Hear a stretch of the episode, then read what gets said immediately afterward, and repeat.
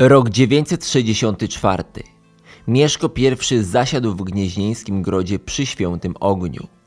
Dotarły do niego słuchy, że kapłani zależnych od niego plemion podszeptują starszyznom plemiennym, że przychylność bogów opuściła władcę. Ktoś rzucił pomysł, aby zwiększyć rolę Czcibora, brata Mieszka, sprawnie wojującego mieczem. Może to jego czas. Pytają po karczmach ci, którzy na twarzy uśmiech i przychylność, a w dłoni sztylet dzierżą. Zwiadowcy donoszą, że wieleci z Wichmanem na czele wciąż hucznie świętują na Pułabiu zwycięstwo nad Polanami, zwycięstwo nad Mieszkiem. Książę zdaje sobie sprawę, że radość Połabian nie potrwa długo. Otton ledwie dwa lata wcześniej koronował się na cesarza i ewidentnie dąży do odnowienia Imperium Karolingów. Czarny, dwugłowy orzeł i krzyż mogą stać się wiecznymi symbolami wielkości tego państwa. Na Połabiu misje chrystianizacyjne prowadzone i dialogiem, i spiskiem, i orężem nieuchronnie zmierzały do ostatecznego podbicia tych terenów. Bracia Słowianie wybrali swoją drogę. Kto będzie następny? Państwo gnieźnieńskie? Na południu Czechy.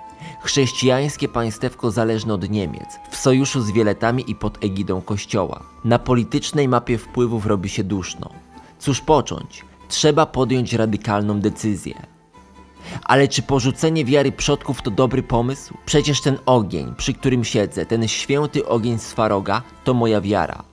A może powinienem przestać patrzeć tylko na ziarno? Może powinienem ujrzeć drzewo, zamiast drzewa widzieć lasy, zamiast lasów wznoszone z pozyskanego z nich drewna grody? Może zamiast patrzeć tu i teraz powinienem spojrzeć w przyszłość? Co nowa wiara da mojemu państwu? Czy jest ono gotowe na królewską, chrześcijańską koronę? Ta opowieść mojego autorstwa nie jest oczywiście cytatem z jakiejś średniowiecznej kroniki, ale nie można odmówić jej pewnego prawdopodobieństwa. Jak to było z tym chrztem, czyli temat, którego nie mogło zabraknąć na moim kanale. Jest w historii Polski kilka wydarzeń, które uznaje się za najważniejsze. Ciężko dokonać takiego jednego rankingu, w którym powiedzielibyśmy, że to wydarzenie jest najważniejsze, a tamto jest mniej ważne. Niemniej możemy wskazać kilka takich, które były najważniejsze. I na pewno do najważniejszych należał chrzest Mieszka I, a co za tym szło, również symboliczny chrzest Polski. Nie ma co się dziwić, że wydarzenie to jest ważne. To wtedy, w 966 roku, prawdopodobnie wtedy, zapadła decyzja, która raz na póki co zawsze włączyła Polskę do kręgu kultury państw chrześcijańskich. Mieszko I mógł nie zdawać sobie sprawy z wagi trwałości tej decyzji, jednak z drugiej strony nie odbierajmy mu pewnej podejrzliwości czy przenikliwości już na samym wstępie. Mógł to być umysł dużo bystrzejszy niż nam się wszystkim wydaje. Czy jednak tak było? Witam wszystkich ponownie. Jest to szósty chronologiczny odcinek z serii Historia Polski w odcinkach. Odcinki z tej serii możecie oglądać jako osobne filmy, osobne opowieści albo w serii, chronologicznie, wydarzenie po wydarzeniu, dzięki czemu będziecie mogli tę serię pochłaniać jak dobry serial bez opłaty miesięcznej, jak to na niektórych serwisach streamingowych ma miejsce. Dzisiaj przedstawię Wam najważniejsze wątki dotyczące tematu chrztu Polski. Omówię przyczyny, skutki, konsekwencje oraz wszelkie tajemnice, które towarzyszą temu tematowi. Nie ma wątpliwości, że w przypadku chrztu Polski mamy do czynienia z pomieszaniem skutków z przyczynami. Ja postaram się to dość prosto uporządkować. Nim zaczniemy, dwa ważne ogłoszenia. Potrzebna jest pomoc Pani Agacie. W komentarzu na samej górze znajdziecie link do zbiórki. Kto jest w stanie, kto może sobie na to pozwolić, niech pomoże, niech weźmie udział w tej zbiórce. Każda złotówka się liczy, sprawa jest bardzo pilna.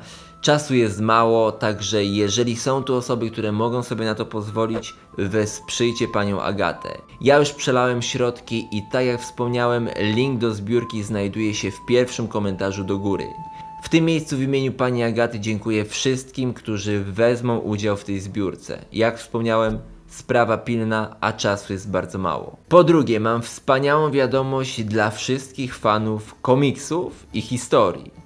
Te dwie dziedziny często się łączą, ale jeszcze takiego połączenia, jakie wam zaraz pokażę, nie widziałem. Komiks o Mieszku I. Mieszko I Dziedzictwo to pierwszy z trzech tomów, które do tej pory się ukazały które ukazują przygody Mieszka I w taki sposób komiksowy i powiem wam szczerze, że ja jeszcze nie widziałem, żeby w taki sposób ubrać początki państwa polskiego. Grafiki są bardzo ciekawe, widać, że jest to po prostu tutaj koncepcja dzieła, że autor nie podszedł do sprawy w sposób masowy, tylko każda grafika jest po prostu przygodą, każda grafika ma swój charakter i jest to po prostu niezwykłe na skalę polskiego komiksu. Także polecam serdecznie, w opisie znajduje się link do tego przedsięwzięcia. Możecie kupić te tomy, które się do tej pory ukazały oraz zamówić ten, który się dopiero ukaże. Ja reklamuję na moim kanale te inicjatywy, które mi się osobiście podobają, a to mnie po prostu urzekło. Także na święta i nie tylko idealne dla młodzieży, dla dorosłych. Zerknijcie sami, ocencie. To tyle z ogłoszeń, zaczynajmy dzisiejszy materiał.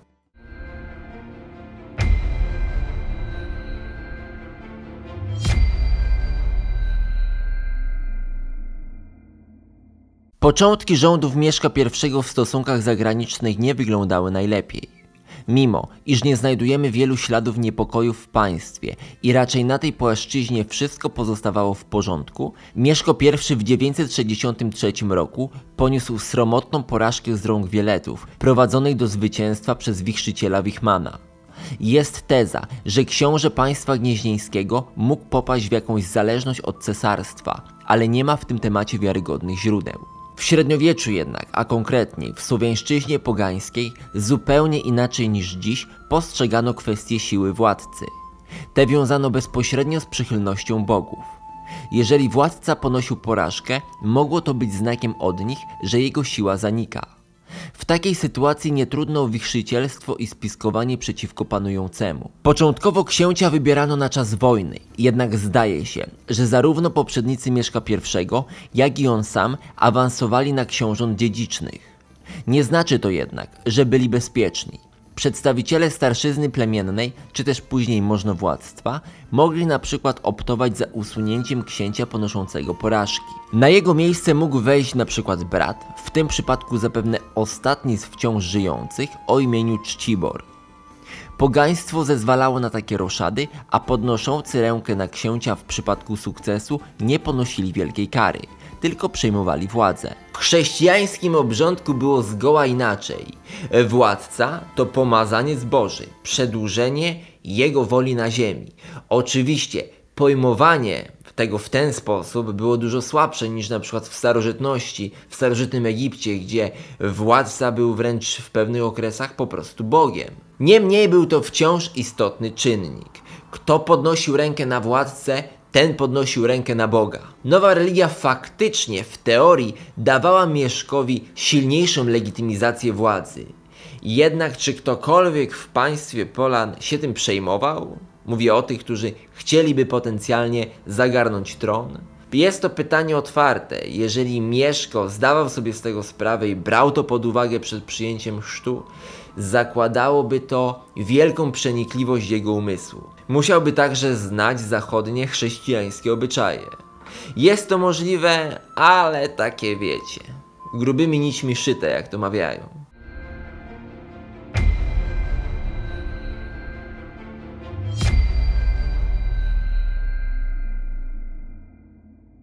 Porażka z Wieletami Wichmana niewątpliwie doprowadziła do powstania najważniejszego w kontekście chrztu Polski sojuszu z Czechami. Zawiązano go około roku 964-965. Możliwe, że do klęsk Mieszka z 963 roku przyczynili się Czesi, którzy pozostawali z Wieletami w sojuszu, co wynika z ichniejszych podań, z których możemy dowiedzieć się, że żoną panującego w latach 915-921 Wratysława była Stodoranka, niejaka księżniczka Dragomira, później ochrzczona. Stodoranie to jedno z plemion wieleckich. Taki układ jasno sygnalizuje, że chrześcijańscy Czesi mieli związki z pogańskimi wieletami, a pomagając im w walce z Mieszkiem udowodnili, że są w sojuszu. Jednak już rok po akcie chrztu Polski, w 967 roku, wojska czeskie wsparły naszego księcia w walce z Wieletami. Z tego wynika prosty wniosek.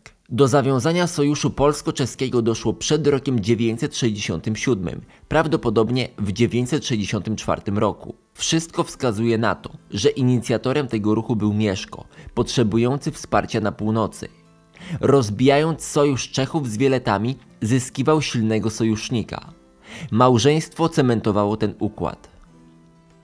I przy tym wątku należy się zatrzymać. Sojusz z Czechami przeciwko Wieletom, którzy byli w sojuszu z Czechami jako główna przyczyna przyjęcia chrztu. Coraz częściej w polskiej historiografii historii odchodzi się od argumentu, jakoby do przyjęcia chrztu Mieszka zmusiło zagrożenie niemieckie. Jest to pewien argument, bo faktycznie takie zagrożenie ze strony chrześcijańskich Niemiec istniało. Jednak wydaje się, że nie o to chodziło. Zresztą Mieszko I mógł obserwować, że Czechy, mimo że są chrześcijańskim państwem, wojują z cesarstwem, więc przyjęcie chrztu nie oznaczało od razu anulowania zagrożenia ze strony Niemiec. Jak wspomniałem, obecnie odchodzi się od tej tezy, która była kiedyś bardzo modna. Obecnie w historii spotkacie się z tezą, że przyjęcie chrztu przez Mieszka było wynikiem nawiązania sojuszu z Czechami, którzy mieli sojusz wcześniej z Wieletami. Mieszko I chciał ten sojusz rozbić. Tylko wtedy, prawdopodobnie, tylko wtedy zyskiwał on sojusznika. Wieleci tracili sojusznika, a więc sojusznika Wieletów przejmował Mieszko. Tylko wtedy Mieszko I mógł myśleć o zemście po dwóch porażkach z 963 roku, o których opowiedziałem wam w poprzednim odcinku z tej serii. Przekabacenie Czech na stronę Mieszka ułatwiało mu pokonanie Wieletów, zdobycie Pomorza oraz zmazanie plam po porażkach z 963 roku. Dodatkowo nie jest wykluczone, że swoją rolę w tym sojuszu odegrał cesarz Otton, bowiem jak wiemy Czechy pozostawały lennikiem cesarstwa. Mógł on widzieć w Mieszku sojusznika do walki z Wieletami, z którymi sam miał problem. Także teza o przyjęciu chrztu z powodu zagrożenia niemieckiego powoli odchodzi, spychana jest na boczny plan.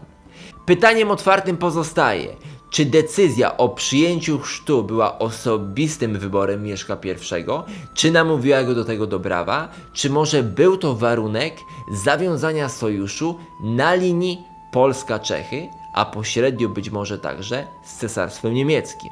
Posłuchajcie.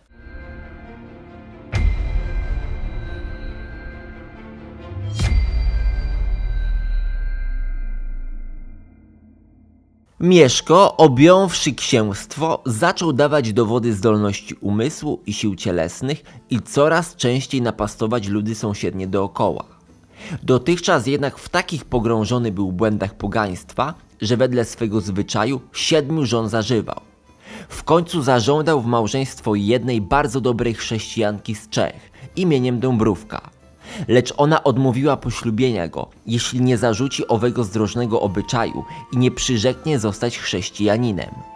Gdy zaś on na to przystał, że porzuci ów zwyczaj pogański i przyjmie sakramenta wiary chrześcijańskiej, pani owa przybyła do Polski z wielkim orszakiem dostojników świeckich i duchownych, ale nie pierwiej podzieliła z nim łoże małżeńskie, aż powoli a pilnie zaznajamiając się z obyczajem chrześcijańskim i prawami kościelnymi, wyrzekł się błędów pogaństwa i przeszedł na łono Matki Kościoła.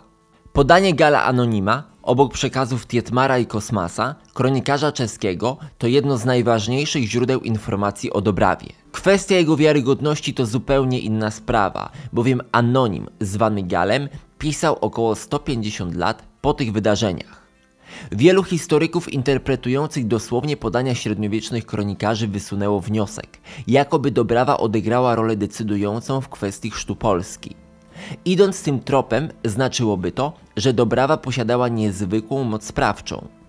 Czeska księżniczka przybyła do Polski prawdopodobnie w 965 roku, zapewne po zmowinach odbytych na początku tego roku lub rok wcześniej. Z podania Gala Anonima dowiadujemy się, że wraz z nią do Polski zjechał orszak dostojników świeckich i duchownych. To bardzo istotne podanie daje, moim zdaniem, jasny wyraz tego, że ta ekipa nie przybyła tylko towarzyszyć księżniczce. Wielki orszak, jak to ujął Gal, sugeruje, że duchowni przybyli w misji, którą było opracowanie szczegółów chrztu księcia i chrystianizacji kraju pogańskiego.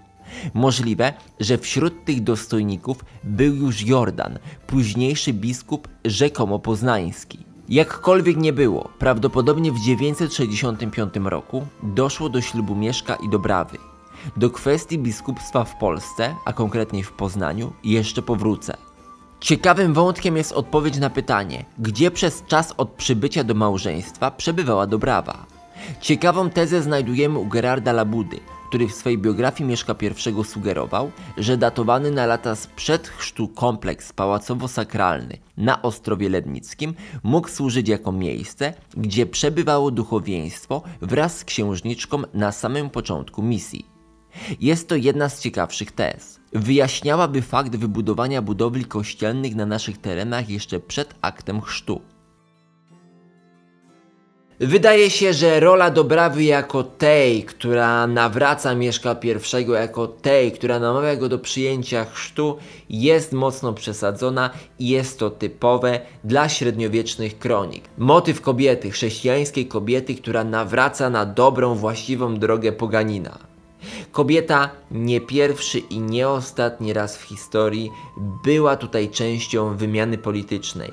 Taka była w ten czas cywilizacja. Z całą pewnością Dobrawa mogła jednak lobbować za chrztem Polski u swojego ojca. Być może mogła nawet zagrozić, że w przypadku, gdy ten poganin się nie ochrzci, ta nie wiem, wstąpi do klasztoru. Jednak jak wspomniałem, są to, jednak są to tylko ewentualne przypuszczenia.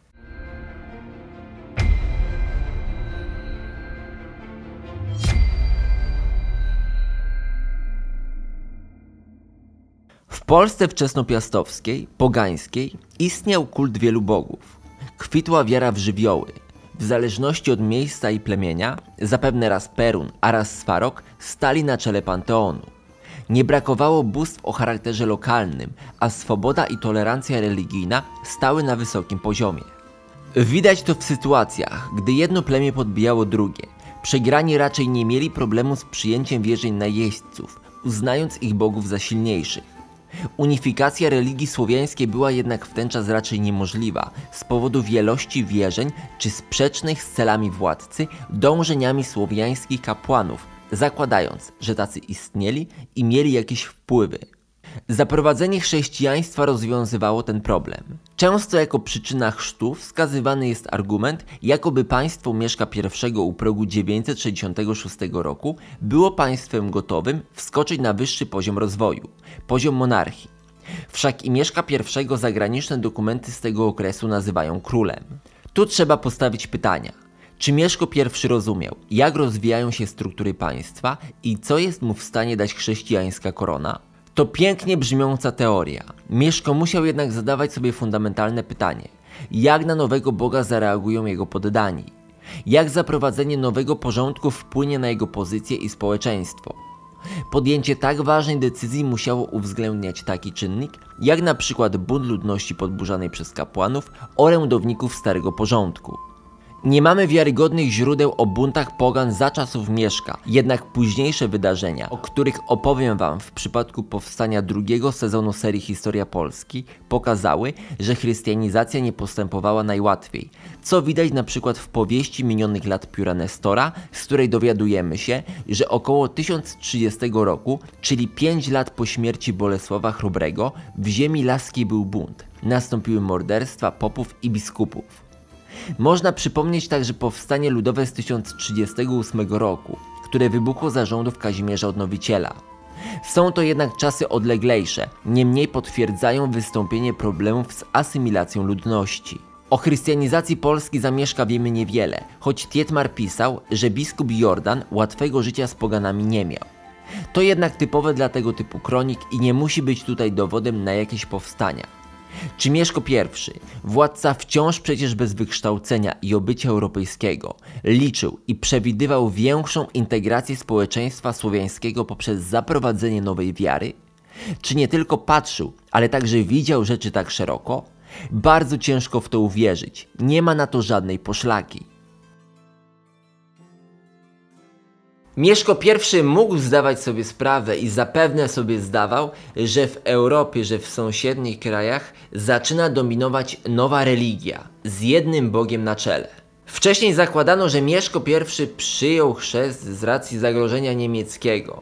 I faktycznie, jak wspomniałem, jest to pewien argument, bowiem cesarstwo rosło w siłę i pod pretekstem niesienia Słowa Bożego atakowało m.in. naszych sąsiadów z zachodu, Słowian Połapskich. Cesarz zdawał się być spokojny względem nas, jednak w każdej chwili mógł zmienić front. Chrzest nie tyle stawiał władcę Polski na równi z cesarzem niemieckim, co wprowadzał nas do grona chrześcijańskiej Europy, do grona władców chrześcijańskich państw.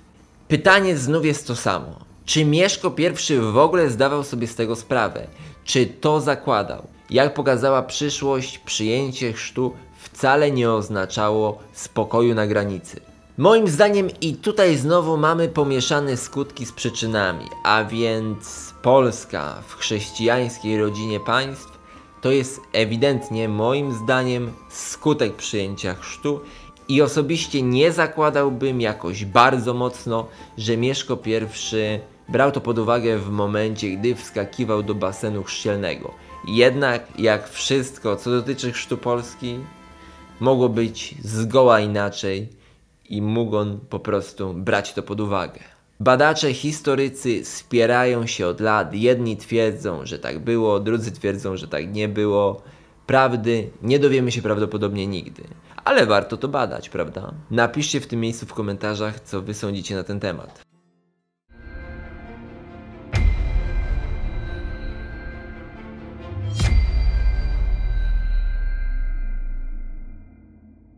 Podsumujmy, a więc sojusz z Czechami przeciwko Wieletom, przeciwko Wolinianom i Wichmanowi, który stał na ich czele jako główna przyczyna przyjęcia chrztu przez Mieszka I.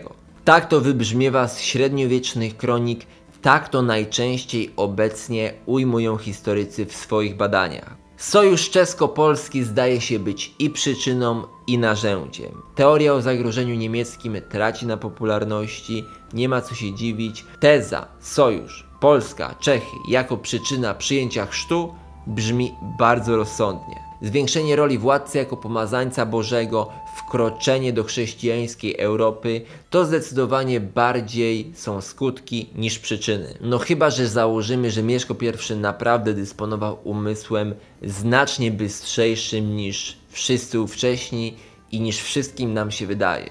Musiałby naprawdę mocno orientować się w ówczesnych zwyczajach, w ówczesnej sytuacji geopolitycznej. Musiałby być po prostu genialnym strategiem z olbrzymią wiedzą, którą nawet nie wiadomo gdzie mógłby zdobyć. Unifikacja społeczeństwa, zwiększenie poziomu administracji naszego państwa poprzez wprowadzenie np. biskupstw, czy dołączenie do europejskiej kultury materialnej to są skutki, które żeby zobaczyć, to musiało upłynąć bardzo, bardzo dużo czasu. Może Mieszko I marzył o koronie. Niektórzy podnoszą argumenty, jakoby Mieszko I chciał wyplenić z Polski, ze swojego państwa, państwa gnieźnieńskiego, zabobon, jakoby odczuwał wewnętrzną potrzebę zmiany religii. Zdaje się jednak, że są to tylko bezpodstawne katolickie dopowiedzenia, które możemy spotkać w pracach niektórych poważnych badaczy, którzy patrzą na ten temat trochę moim zdaniem za bardzo przez pryzmat własnej religii. Oczywiście nie możemy wykluczyć, że Mieszko I nagle wewnętrznie nawrócił się na wiarę w Jezusa Chrystusa, jednakże to był chłop stąd, chłop z wielkopolskich lasów. Wierzył w to, w co wierzyli jego poddani, w co wierzyła jego drużyna. A gdyby wierzył w co innego, to jego drużyna, czy też Rada Starszych stwierdziłaby, że naszego księcia opętał Czarnobóg. Dużo bardziej prawdopodobne jest, że po prostu czcił żywioły, że ruszał do boju z imieniem Peruna na ustach. Nie przypisujmy zatem decyzjom stricte politycznym religijnego, oświeceniowego ubarwienia. Choć oczywiście, jak to w przypadku chrztu, nie można tego wykluczyć.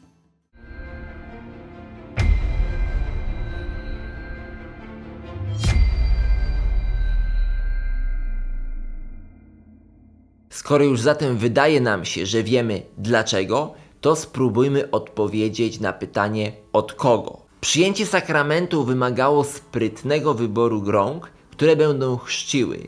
Zwierzchnictwo kościelne szło bowiem bardzo często w parze ze zwierzchnictwem politycznym. Mieszko o tym wiedział i prawdopodobnie dlatego przyjęliśmy chrzest za pośrednictwem Czech, a nie bezpośrednio z rąk przedstawicieli kościoła niemieckiego. Za pośrednictwem, a nie z rąk. To istotna różnica. Czeski ślad potwierdza na przykład zbadanie, dokładne zbadanie słownictwa kościelnego. Przejęliśmy z języka staroczeskiego wiele słów, takich jak chrzest, biskup, pielgrzym czy papież. Przykłady można mnożyć, ale etymologia tego słowa jasno wskazuje na czeskie, a nie niemieckie pochodzenie kultu chrześcijańskiego w Polsce. Pytaniem pozostaje, czy Czechy mogły nam w ogóle chrztu udzielić? Istotnym wątkiem jest bowiem to, kto podjął się misji ochrzczenia Mieszka, oprócz czeskich pośredników. W ówczesnych warunkach należało spełnić jeden zasadniczy warunek. Chrzcić pogańskie landy mogli tylko przedstawiciele diecezji, czyli biskupstw bezpośrednio sąsiadujących z obszarem, który miał zostać poddany chrystianizacji. Warunku nie spełniała zatem Praga, która dostąpiła zaszczytu bycia biskupstwem dopiero w 973 roku. W grę wchodziły tylko dwa biskupstwa.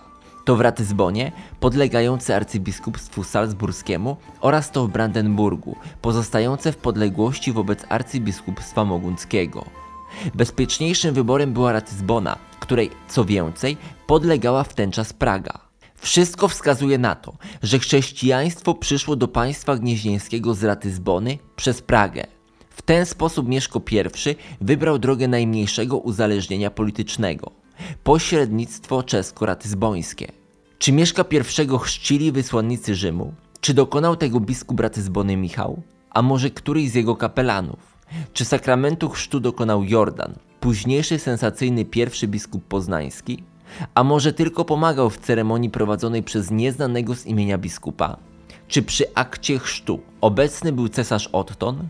Jakie imię chrzestne przybrał Mieszko? Tych tajemnic póki co nie rozwiążemy i możemy tylko wybrać mniej lub bardziej prawdopodobną wersję wydarzeń, co też czynią historycy na przestrzeni dziejów. Tajemnicą pozostaje także data chrztu. Różne były wersje tego wydarzenia 960, 961, 962, 3, 4, 5. Każdy rok był wskazywany w zasadzie od 960 do 967 bodajże jako potencjalny rok przyjęcia chrztu.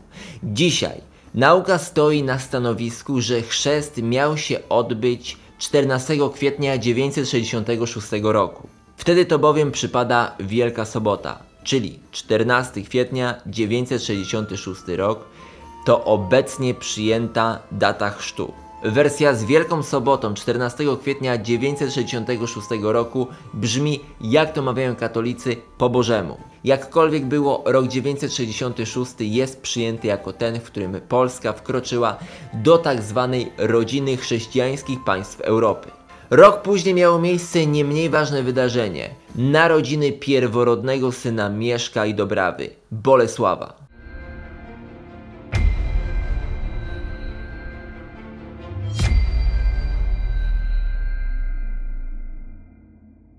Z racji braku źródeł w tym temacie na przestrzeni ostatnich dziesięcioleci, a w zasadzie stuleci, trwały spory co do miejsca, w którym Mieszko I miał przyjąć chrzest. Wskazywano i Pragę, i Ratyzbonę, i Poznań, i Giecz, i Gniezno, i Kwedlinburg, i Magdeburg, mnóstwo różnych lokalizacji. Niemieckie kroniki raczej nie zapomniałyby o tak doniosłym wydarzeniu, jakim byłoby ochrzczenie pogańskiego władcy na ich dworze. Jednak milczą w tym temacie. Nie ma też argumentów za tym, aby Mieszko przybył w tym celu do Pragi, która nie miała w tym czasie biskupstwa. Na ten moment najbardziej prawdopodobnym i najczęściej wzmiankowanym miejscem jest Ostrów Lednicki. Posłuchajcie. Badania Ostrowa Lednickiego rozpoczęto w XIX wieku, jednak to druga połowa XX wieku przyniosła największe i najbardziej sensacyjne odkrycia. Odsłonięto pozostałości Palatium, czyli budowli będącej pałacem książęcym, z kaplicą na planie równoramiennego krzyża. Najważniejsze z odkryć miało dopiero nadejść, bowiem wraz z kolejnymi badaniami odkryto dwa wgłębienia w murach i w posadzce. Interpretacja jest jasna. Basenami tymi są baptysteria, czyli miejsca chrzcielne. Baptysterium towarzyszyły pomieszczenia dodatkowe, w których chrzczony mógł się przebrać i przygotować do aktu poprzez wyrzeczenie pogaństwa i szatana. Oprócz palatium z kaplicą odkryto również ruiny kościoła z nawą i prezbiterium, w którym odnaleziono typowe dla tego rodzaju znalezisk pozostałości przedmiotów służących do odprawiania kultu, a konkretnie kultu w obrządku cerkiewno-słowiańskim. Póki co nie jest pewne, czy kościół wzniesiono w tym samym czasie, co datowane na około 964 rok Palatium. Interpretacja budowli jest jednak jasna. To tam mogło dojść do chrztu Mieszka i jego dworzan. Sam Ostrów Lednicki pozostawał jednym z najważniejszych miejsc państwa Piastów. Zarówno Palatium, jak i kościół stanowiły elementy grodu, bardzo ważnego piastowskiego ośrodka. Wagę roli wyspy w życiu Słowian zrozumiemy, gdy przyjrzymy się odkryciom pozostałości mostów poznańskiemu i gnieźnieńskiemu.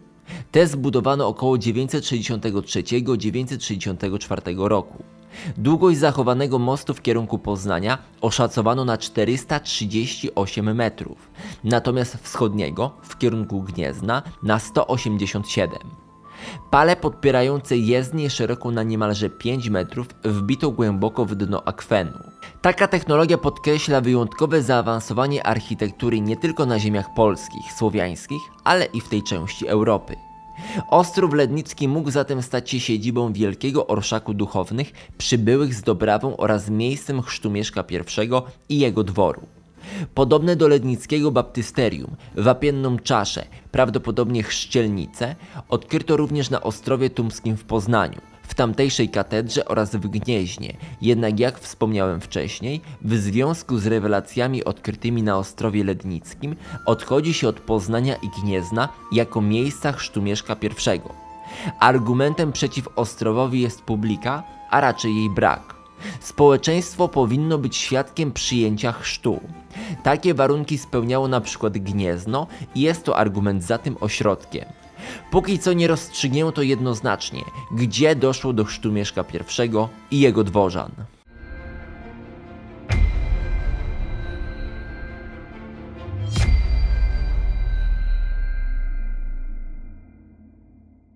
Pragę już raczej odrzucono z potencjalnej listy miejsc.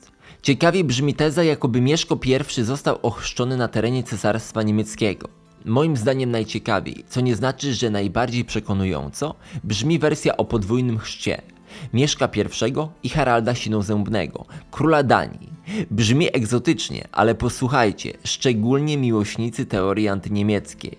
Historia duńska stoi na stanowisku, że największym problemem Danii w drugiej połowie X wieku zdawał się być jej potężny sąsiad na południu, czyli Święte Cesarstwo Rzymskie, zwane prościej Niemcami. Po chrzcie króla Haralda cesarzom niemieckim trudniej było ingerować w sprawy duńskie. Niemcy byli chrześcijanami i mogliby zmusić Duńczyków do przejścia na chrześcijaństwo, gdyby ci nie stali się wyznawcami Chrystusa z własnej woli.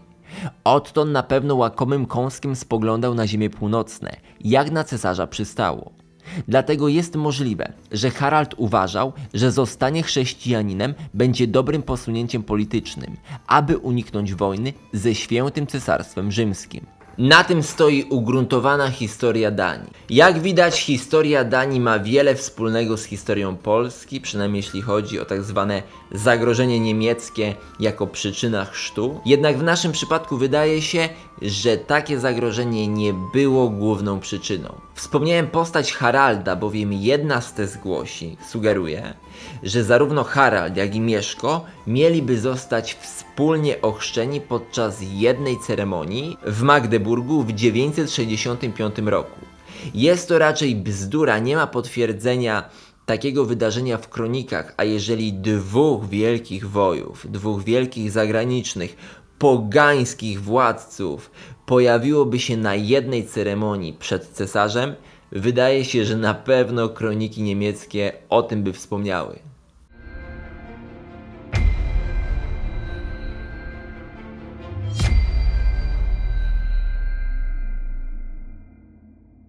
Słowianin budzący się w swojej izbie dzień po przyjęciu chrztu przez Mieszka I nie odczuwał wielkiej różnicy. Chrystianizacja wymagała czasu.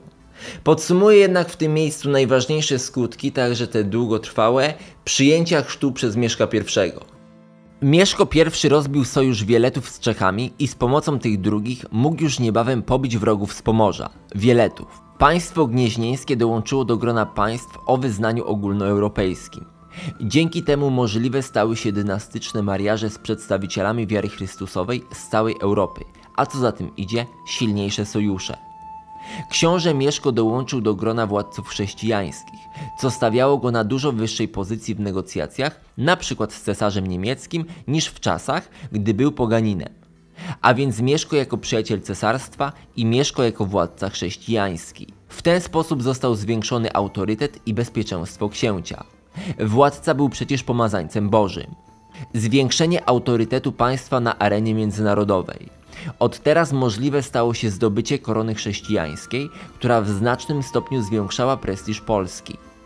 Pod rokiem 963 Widukind nazwie mieszka barbarzyńcą, pod rokiem 967 już przyjacielem cesarza. Argument bezpieczeństwa państwa nie jest najtrafniejszy. Historia pokazała nam dobitnie, że walki między chrześcijanami to chleb powszedni i taki już za chwilę toczyć miał Mieszko. Możliwe jednak, że w latach 60. X wieku w pewnym sensie zyskaliśmy tymczasowy parasol ochronny jako świeżo nawrócony kraj. Do Polski przywędrowała nauka, sztuka i technologia kultury łacińskiej. W szkółkach przykościelnych zaczęto pisać i czytać dzieła starożytnych pisarzy. Absolwentem jednej z takich szkół będzie już Kazimierz Odnowiciel. Jego ojciec, Mieszko II, pozna język greki. Na terenach Polski powstaną pierwsze księgozbiory. Kultura i wykształcenie to bardzo istotne skutki chrztu. Wiązało się to bezpośrednio z utworzeniem struktur Kościoła katolickiego w państwie gnieźnieńskim. Z czasem w Polsce zacznie rosnąć rola biskupów i struktury kościelnej. Ta będzie uzupełniać się z rozwojem państwa. W tysięcznym roku, w wyniku zjazdu gnieźnieńskiego, powstaną nowe diecezje krakowska, wrocławska i kołobrzeska oraz archidiecezja w Gnieźnie. Niejednokrotnie to biskupi zadecydują o istotnych sprawach dla przyszłości naszego kraju. Długofalowych skutków przyjęcia chrztu przez Mieszka I było więcej. W zasadzie wszystko, co wiązało się później z Kościołem w Polsce, z obecnością Kościoła w Polsce, możemy nazwać w pewnym stopniu skutkiem chrztu. Wymienione przeze mnie przed chwilą skutki chrztu były po prostu w ten czas najbardziej widoczne. Przyjrzyjmy się teraz wspólnie nieco kontrowersyjnej, trochę zapomnianej sprawie rzekomego biskupstwa w Poznaniu.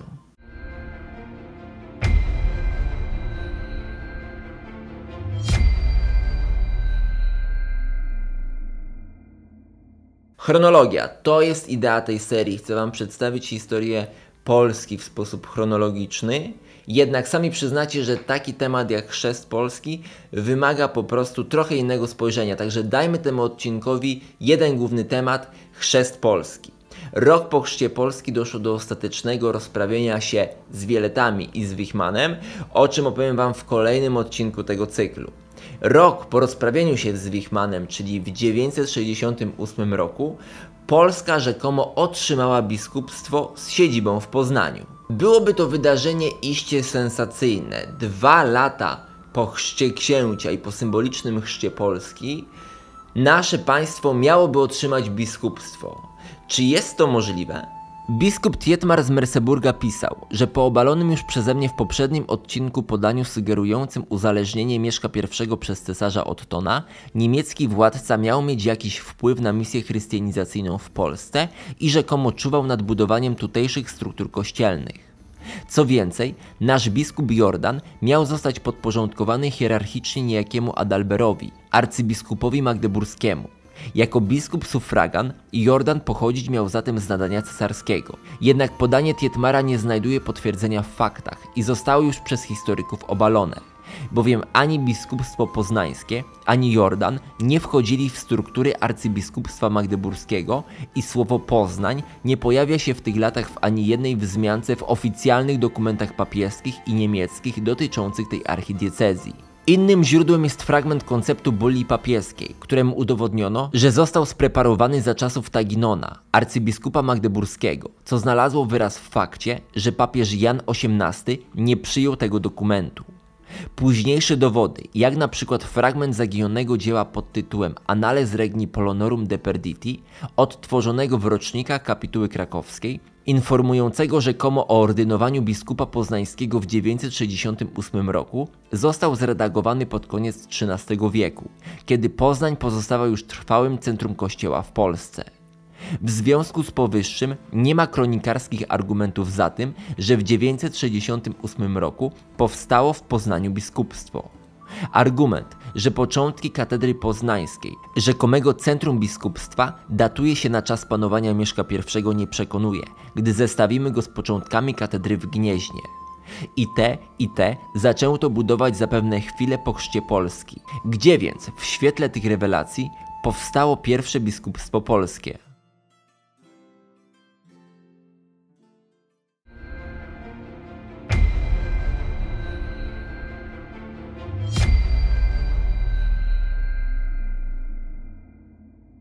Odpowiedź może być prostsza niż wszyscy sądzimy. Siedzibą pierwszego biskupstwa w Polsce mógł być i Poznań, i Gniezno, i Giecz, i Kalisz, i każde miejsce, w którym pojawiał się biskup. Dlaczego? Otóż powszechnie stosowaną praktyką w krajach świeżo ochrzczonych było wysyłanie tam, było tworzenie tam tak zwanych biskupstw misyjnych. Czyli był biskup misyjny, który miał na celu chrystianizację musiał chodzić po państwie i po prostu głosić Słowo Boże. Stworzenie struktur kościelnych wymagało czasu. Spójrzmy na przykład Węgier czy Czech. Oni otrzymali biskupstwo kilkadziesiąt lat po przyjęciu chrztu. Polsce miałoby się to odbyć dwa lata po chrzcie. Jest to optymistyczne założenie. Wydaje się, że bardziej prawdopodobnie brzmi wersja, jakoby stałe biskupstwo miało być utworzone dopiero w tysięcznym roku, w wyniku zjazdu w Gnieźnie. Nie zamykajmy się na taką wersję wydarzeń. Zarówno Jordan, jak i Unger odegrali ogromną rolę w budowie struktur kościoła w Polsce ale powstanie biskupstwa w Poznaniu w 968 roku zaliczyć należy do kruchych hipotez, a nie faktów historycznych.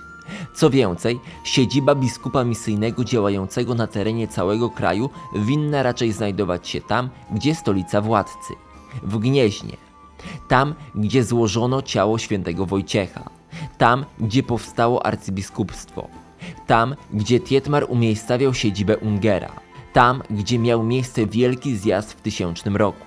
Nie znaczy to, że to tam powstała stała diecezja. Tej prawdopodobnie przed tysięcznym rokiem w Polsce w ogóle nie było. Chcących zgłębić ten temat odsyłam do biografii Mieszka I autorstwa Gerarda Labudy oraz do badań Paula Kera. Ja ich nie czytałem, do nich po prostu odwoływał się w swojej książce Gerard Labuda. Jakkolwiek nie było, w 968 roku mieliśmy biskupa, niekoniecznie biskupstwo. Takie na ten moment są wyniki badań.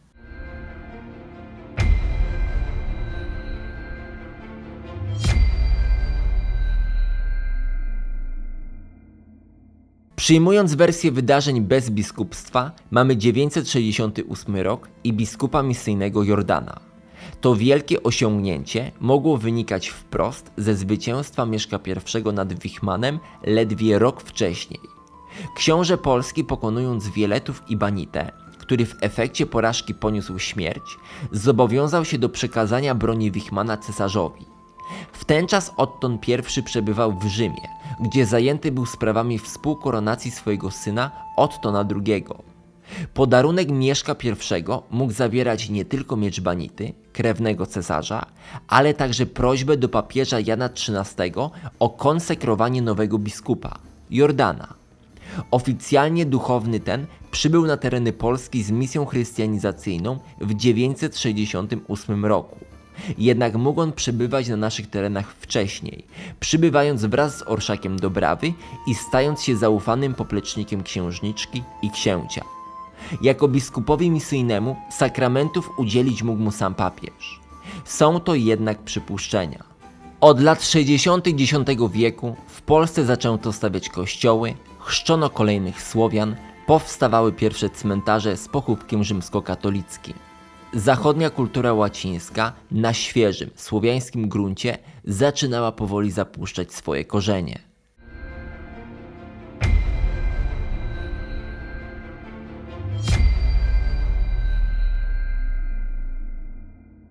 Osobiście lubię wątek broni i to dobry moment, żeby wspomnieć o pewnym tasaku.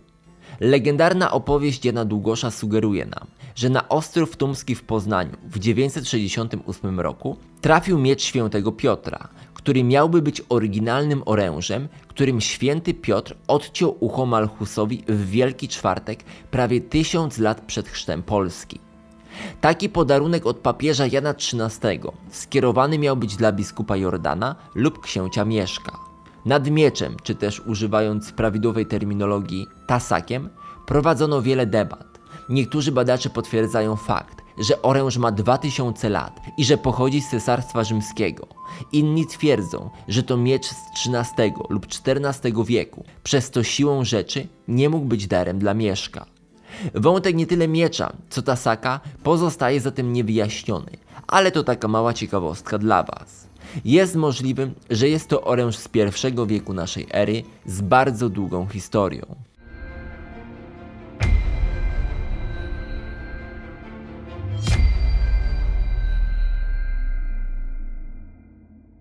Wielu uznaje chrzest Polski za początek naszego państwa jest nie tyle zupełnie inaczej, co trochę inaczej. 966 rok to zamknięcie pewnej epoki, epoki tak zwanej Polski plemiennej. Zamknięcie państwa nie tyle pogańskiego, bo poganami nazwali nas chrześcijanie, co po prostu naszego, pierworodnego, słowiańskiego, można powiedzieć rodzimowierczego.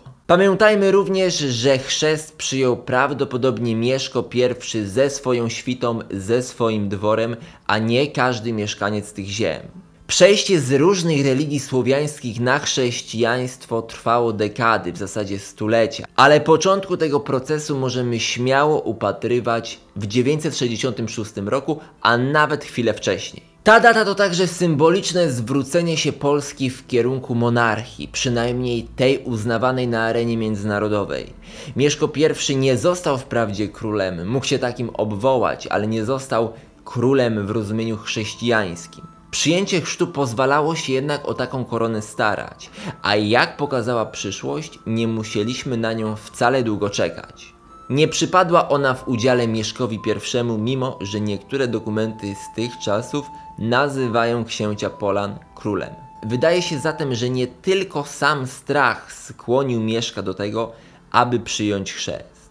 Możliwe, że skłoniła go do tego również ambicja, jednak wszelkie okoliczności przyjęcia chrztu przez księcia niestety pozostaną zagadką. Możemy tylko gdybać, zakładać jedną tezę, próbować ją argumentować lub obalać, bowiem jak wspomniałem, w przypadku chrztu mamy trochę pomieszanie skutków z przyczynami. Warto jednak dodać, że do grona państw chrześcijańskich, do chrześcijańskiej Europy weszliśmy na własnych warunkach, z podniesioną głową, a nie w mgle wojny, nie poprzez narzucenie nam chrześcijaństwa siłą. Gdyby doszło do takiej wojny, tak jak w przypadku Słowian Połapskich, niezwykle trudno byłoby ją wygrać. O chrzcie można rozmawiać godzinami, można na ten temat pisać książki, spierać się co do daty, miejsca, okoliczności, przyczyn. Uważam, że warto to robić.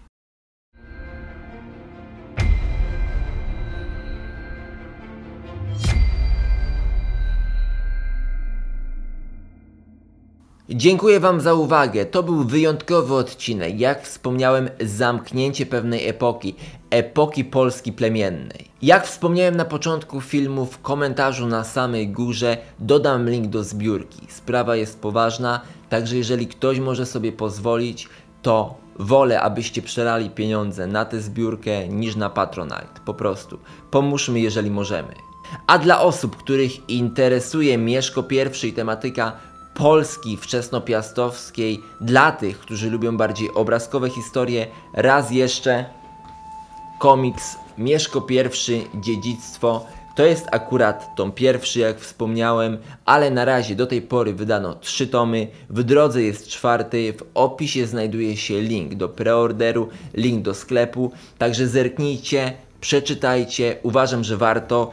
Takie inicjatywy są rzadkością.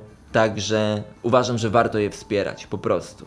Dobry prezent na święta, dobry prezent w zasadzie dla każdej grupy wiekowej. Ja dziękuję Wam za uwagę, widzimy się już za tydzień. Jeżeli film Wam się spodobał, to napiszcie mi, że Wam się podobał w komentarzu. Możecie także zostawić łapę oraz suba z dzwonkiem po to, aby po prostu być na bieżąco. Dzięki, do usłyszenia, do zobaczenia i pamiętajcie o zbiórce.